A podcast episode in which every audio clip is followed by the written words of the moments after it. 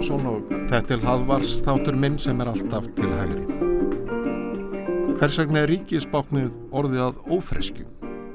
Var efnislega spurningin sem Egjólu Konráð Jónsson þingmaður sjálfstæðisblokk sinns varpaði fram í erindi sem að flutti árið 1976 á fundi hjá Jóð Sérhefingunni. Yfirskriftin var Embættisvaldið gegn borgurunum. Nokkuru síðar var erindið byrt í morgumblæðinu og 1981, eða fimm árum síðar, taldi heimdallur verðt að gefa erindið út í litlu greinasafni eftir Eikon. Í upphafi saði Eikon að líklega væri tilöfni þess að hann hefði verið fenginn til að halda þetta erindi það sem hann kallaði ferðasögu sína, norður í Skagafjör, sem flestir kannist víst við og átök þau sem urðu í samband við veitingu sláturleifa til lítið sláturhús á söðakróki. En óneitanlega hafa þeir atbyrðis að eikon orðið til þess að ég hef tekið að hugsa um embættisvaldið, pólitíska valdið, ríkisvaldið, kerfið eða hvað menn vilja kalla það meira en áður og vona að svo fari um fleiri. Án þess að rekja þá sögu sem eikon vittnar í sem gerðist í Skagafyrði minni heimabygð þegar sótt var að frjálsum bændum og sjálfstæðum aturreikundum. Þetta var 1976 þegar reynd var að knéseta bændur sem ráku eigið sláturhús. Þeir áttu fá að samherja en eitt þó öflugri en aðra, Eikon, Ejól Konráð Jónsson, sem hótaði að skjóta hrút með eigin hendi ef bændur fengi ekki að reka sitt eigið sláturhús. Frjálsir bændur og eikon höfðu sigur og sláturhúsið var rekið áfram í nokkur ár. Framganga eikons og baráta hans fyrir tilveru frjálsara bænda kom engum á óvart sem til hans þekktu. Árið setna voru skilabóð hans skýr í ræðu og varðarfundi, hlutverk sjálfstæðisflokksins í atunumálum er að innlega meira frjálsaræði, minni ríkisafskipti, öflugra engaframtak, minni ríkis um svif. Og Eikon saði, en þó það sé rétt að orð séu alls fyrst, þá er hitt líka rétt, að þau hafa litla þýðingu ef á framkvæmdónum stendur. Það hlýtur þess vegna að vera hlutverk okkar sem þeir trúnaða starfa höfum valist fyrir sjálfstæðisblokkin og það fólk sem hann fyllir að leitast við að mjaka stefnumálum áleiðis. Eikon heldi fram að hægt var að kalla kjörnafulltrúa til ábyrðar ef þau gerði ekki allt sem í þeirra valdi stæði til að ná árangri í að hrinda stefnumálum í framkvæmt. Í hans huga var og er það hlutverk sjálfstæðisflokksins að skapa sveigurum frjálsaræðis, sveigurum fyrir aðtapnir og framtagsmönnum frelsi. Hann sagði, hlutverk flokko og stjórnmálamanna er ekki að fyrirskipa hvað eina og skipuleikja allt. Það er hlutverk þeirra sem beina aðild eiga að atunnu rekstri. Þeim ber að sjá um samkjæfnina og arðsimina. Þótt erindið á fundi jóð sé, beri merki þeirra aðstæðana sem þá voru í atunumálum og pólitíklansins stendur Eikon og gaggrinni hans á kerfið óhögguð. Og í mörgu hefur síið á ógjafur hliðina á þessum 47 árum sem liðin eru. Líklega stæki hugssjónumæðurinn Eikon enn sterkar til orða í gaggrinni sinni í dag. Orðrætt sað Eikon. Á því leikur naumast vafi að útþensla ríkisbáknisins meðal vestarætna líðræðistjóða er orðið alvarlegt vandamál en það má segja að kerfið stjórni sér orðið sjálft. Það stjórni mannfólkinu en engin mannlegur máttur ráði við það eða eins og einhver sagði kerfið er ófreskja og ef einhverji reyna að taka henni taki þá bara hristur hún sig og mönn rökva af henni. Og Eikon held áfram. Vist er það að minnst á kosti að oft standa menn magþróta frammi fyrir ríkisvaldinu og þó mun það verra vera meðal fjölmennari þjóða. Því hér er þó ennhægt að leita á náður kunnugur að manna í kerfinu og brjótast í gegnum frumskógin með leiðsögn, velviljaðara samherjóa eða kunningja. Þrátt fyrir allt njóta menn hér líka á mörgum sviðum þess frjálsaræðis sem óháður aturnuregstur einn getur tryggt en þó get ég ekki stilt mig um að segja það í þessum félagskap að oft hefur það valdi mér þungum áhyggjum að íslenskir aðtapnamenn, ekki síst á sviði viðskipta, síndu ekki nægilega djörfung og dög en látum það liggja á milli hluta. Á hinbógin þurfum við Íslendingar að búa við annað vald sem ég hygg að óþægt sé í nokkuð viðlíka mæli hjá nákvæmna þjóðum. Á ég þar við ringin sís. Auðringin er vist óhætt að segja og gífurlegt fjármálavald samfunnu hreyfingarinnar sem stappar næri einókun í ymsum héruðum og á ymsum sviðum. Þetta vald er ekki einungis fjármálavald í venjulegum skilningi, heldur er það líka pólitist vald. Hagsmunna þræðir leðtoga annar stærsta stjórnmálaflokksins og fórustumanna sambands íslenskara samfunnufélaga eru samopnir og því miður verður að segja þá sögu eins og hún er. Aðferðirnar sem stundum eru notaðar nálgast mafjuafþörir, svo notu séu orð formas framsóknarflokksins í öðru tilefni að vísu. Sérstaklega byrtast þessar bardaga aðferðir í sambandi við vald það er lítur að viðskiptu með landbúnaðarvörur og vinslu þeirra. Engu er líkara en að þar sé talið að um helgvið sé að ræða sem engir utanakomandi megi sörga með návissinni og vist er um það að gífurlegir peningahagsmunni ráða miklu um þau brauð, mér liggur við að segja fantabrauð, sem stundum er beitt á þessu sviði en bændur og neytendur borga brúsan. Því er ég að víkja þessu hér að þá fyrst er embættisvaldið orðið ískikilegt þegar því er þraungvatið þjónustu við gífurlegt auðvald stutt sterkum pólitískum öflum þá er hlutur borgarana svo sannarlega orðin lítill. Í þessu sambandi er best að skjóta inn í að á þessum tíma voru gríðalega átök jamt á sviði stjórnmála og viðskipta um samband íslenskara samfunnufélaga sís.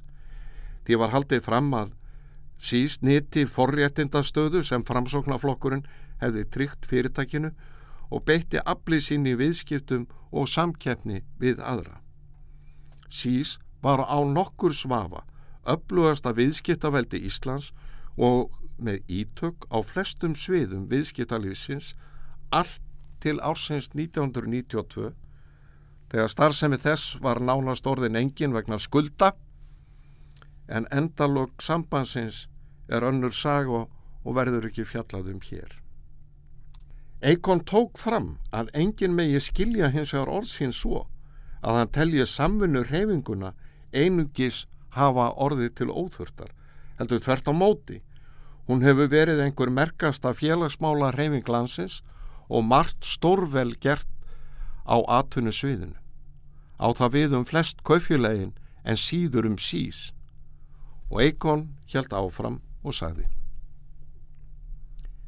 En einhvern veginn læðist svo hugsun aðmanni að hugssjónin sjálf, samfunnu hugssjónin, sé orsök þess að beitt er af halvu sís vinnubráðum sem einstaklingar eða enga fyrirtæki munu ekki láta sér sæma og heldur ekki komast upp með að beita.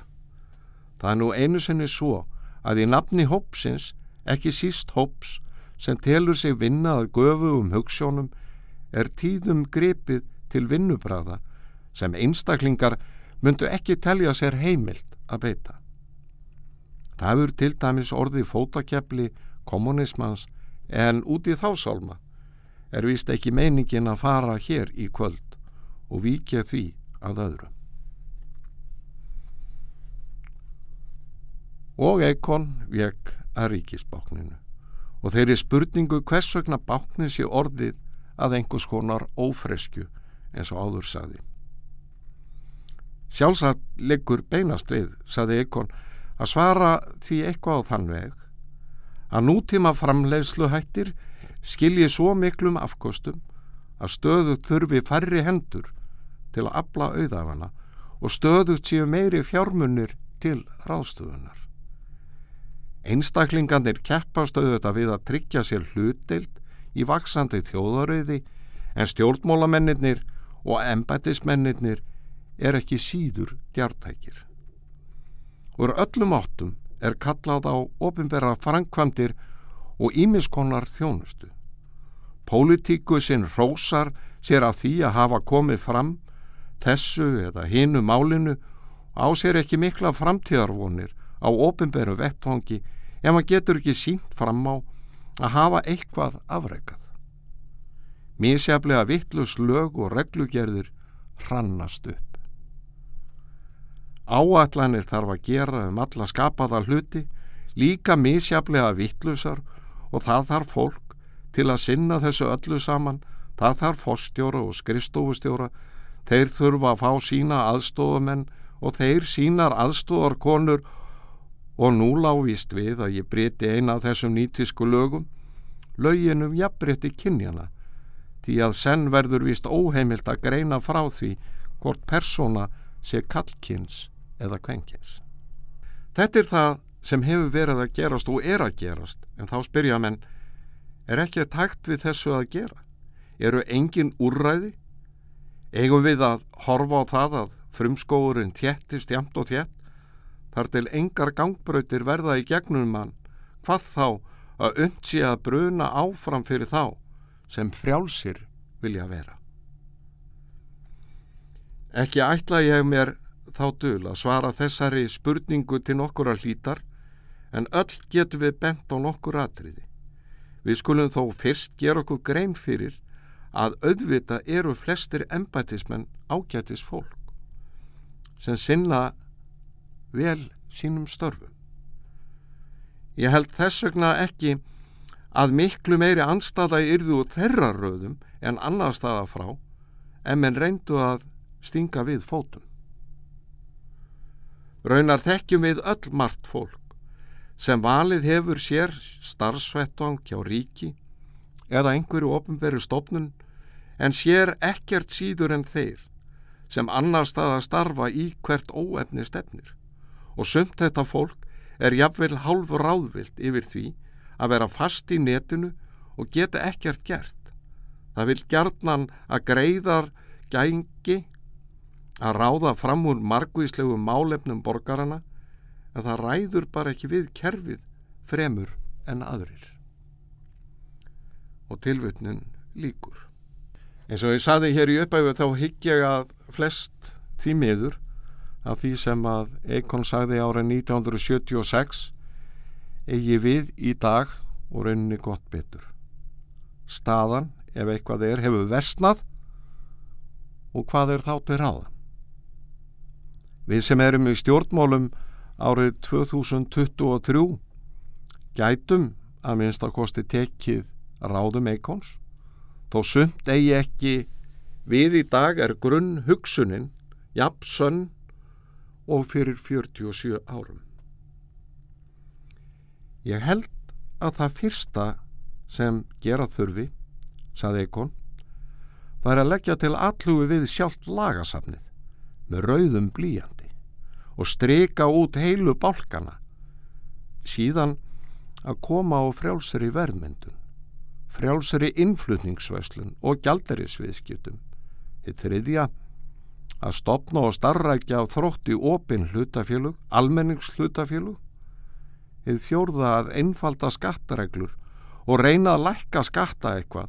Og þið fymta og síðasta sem þið drepa á að stefna markvist að nokkur er fækkun starfsmanna hjá ríki og ofinbörum aðilum meðal annars með því að leggja niður stopnarnir eins og til dæmis frangatastofnun ríkisins og fækka þeim aðilum sem fjalla um hinn markvíslegustu málefni. Þannig að oftast er þið aðeins undir einnasækja en ekki marga en ábyrð ofinbæra starfsmanna er þið jafnframt aukin meðal annars með því að hætt verði æviráðningu að minnstakosti í veigamestu störf, jafnvel þótt þeim mönnum sem ábyrðamestu störfum sinna yrði að greiða herri laun en nú er gert. Svona er þetta einfalt, segir nú sjálfsagt einhver og brosir í kampin. Hefur ekki allt þetta verið sagt þúsund sinnum, miljón sinnum, þúsund miljón sinnum og sígur samt ekki á ógjafu hliðina.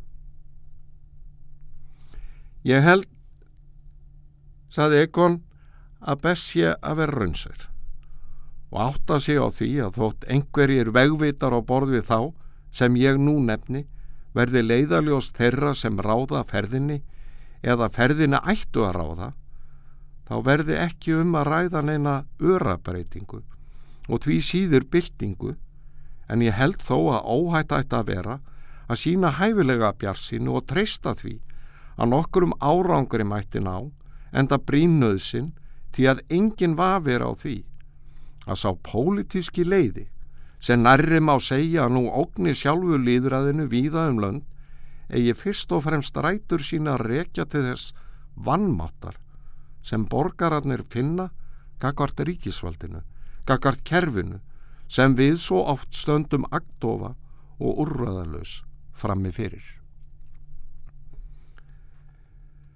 Svo mörg voru þau orð Og nú þegar að þing hefur komið saman að nýju og þingveturinn allur framundan er verðt að hafa þessa ádreipu eikons í huga. Og þá ekki síst fyrir okkur sem sitjum á þingi. Og loka orðin eru auðvitað þau sem kannski flestir ættu að hafa í huga.